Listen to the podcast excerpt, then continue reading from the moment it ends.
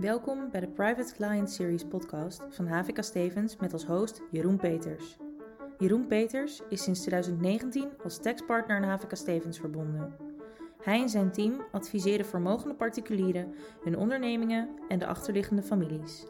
In deze podcastreeks gaat Jeroen in op onderwerpen als opvolgingsperikelen, privacy, beleggingen, vastgoed en goede doelen. In deze podcast gaan we in aanvulling op een nieuwsbrief die we recent hebben uitgestuurd over het wetsvoorstel aanpassing VBI, FGR en FBI kort in op de belangrijkste punten uit dit wetsvoorstel voor vermogende particulieren en DGA's. En dan met name recente fiscale en financiële ontwikkelingen. En vandaag wil ik specifiek aandacht besteden aan eh, een wetsvoorstel dat recent ter internetconsultatie is neergelegd. Het ligt nog niet bij de Tweede Kamer. We mogen daar nu allemaal input op leveren. En dat wetsvoorstel dat gaat over het Fonds voor Gemene Rekening, de vrijgestelde beleggingsinstelling, de VBI, en de fiscale beleggingsinstelling, de FBI. Met name uh, de regelgeving op het gebied van de FGR, het Fonds voor Gemene Rekening, en de VBI heeft impact op vermogende particulieren en directeur grootaandeelhouders. Waarom? Dit wetsvoorstel dat komt voort uit een wetsvoorstel dat in 2021 ter internetconsultatie is neergelegd. Hè, dat waarvan we de definitieve versie in september dit jaar verwachten. En dat wetsvoorstel dat ging in op de communitaire vennootschap. Doel van het wetsvoorstel met betrekking tot communitaire vennootschap en hè, nu dit recente wetsvoorstel is dat alle communitaire vennootschappen en het gros van de fondsen voor gemene rekening voortaan transparant zullen zijn voor Nederlandse fiscale doeleinden. Het transparant in de zin van dat alle bezittingen, schulden, inkomsten, uitgaven worden toegerekend aan de participanten daarin. Enorm belangrijk voor, uh, voor vermogende particuliere directeur grote aandeelhouders.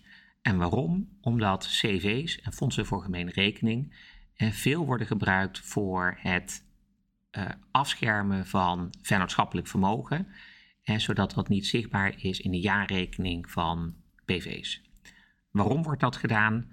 Eh, omdat het via uh, de Kamer van Koophandel, Company.info, uh, Google inmiddels zo makkelijk is om een jaarrekening te downloaden en op die manier te achterhalen hoeveel privévermogen iemand in de vennootschap heeft, dat dat ja, en gewoon inbreuk maakt op de privacy van, uh, van deze mensen.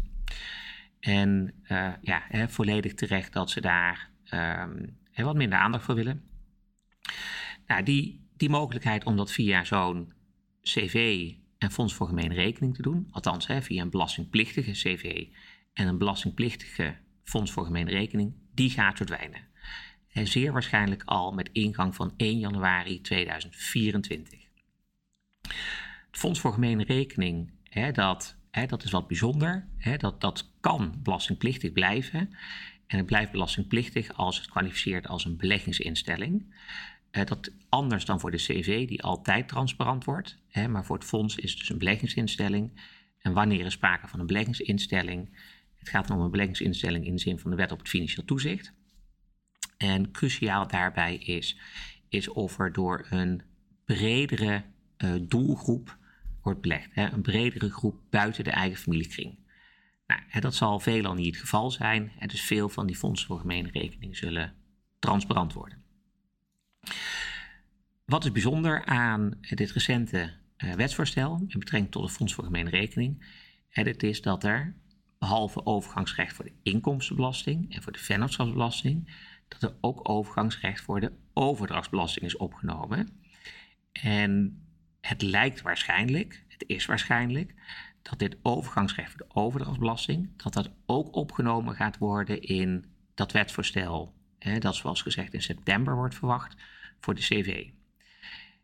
Wat houdt dat wetsvoorstel voor de overdrachtsbelasting in? Hè, dat houdt in dat je de communitaire participatie in de CV, hè, de units in het Fonds voor Gemene Rekening, ongeacht de omvang van het belang, dat je die vrijgesteld van inkomstenbelasting, vrijgesteld van vennootschapsbelasting, kunt inbrengen in een BV. voor de inkomstenbelasting, vennootschapsbelasting verdwijnt de claim daarmee niet. die, er is sprake van uitstel, niet van afstel. Voor de overdrachtsbelasting is het juist van belang, want zonder die faciliteit zou die inbreng tot de verschuldigheid van overdrachtsbelasting leiden. Dus dat is heel erg van belang. En hè, dat speelt met name, is dat heel erg van belang ook in het kader van de wet excessief lenen. Hè, die eh, 1 januari dit jaar van kracht geworden is. En met als eerste pijldatum 31 december hè, voor veel hoofdbrekens zorgt bij eh, veel klanten. En hè, er naar het kijken zijn ja, hoe, hoe dat te voorkomen, hoe de impact daarvan te verzachten. Verder geldt ook de vrijgestelde beleggingsinstelling, de VBI, dat die naar aanleiding van een internetconsultatie onder de aandacht staat. Wat wordt daar voorgesteld? Daar wordt ook wederom voorgesteld om het VBI-regime alleen nog maar toegankelijk te maken voor beleggingsinstellingen in de zin van de wet op het financieel toezicht. Wat inhoudt dat het gros van de VBI's, hè, veelal aangegaan in familieverhoudingen, niet meer zullen kwalificeren en dus belastingplichtig worden. Enorm veel impact, veel maatregelen waarvan we nog niet weten of ze in werking treden, maar het heeft er wel alle schijn van. Van belang voor vermogende particulieren, directeur groot aandeelhouders. Dus met name dat ze de vingers aan de pols houden, uh, zich laten informeren wat het betekent, uh, de impact in kaart brengen en in ieder geval tijdig reageren om uh, de impact daarvan voor zover mogelijk te beperken. Je kunt daarvoor altijd contact met ons opnemen en we proberen u in ieder geval regelmatig op de hoogte te blijven houden van alle ontwikkelingen. En ja, zoals gezegd, als er iets is, neem contact op en we zijn u graag van dienst.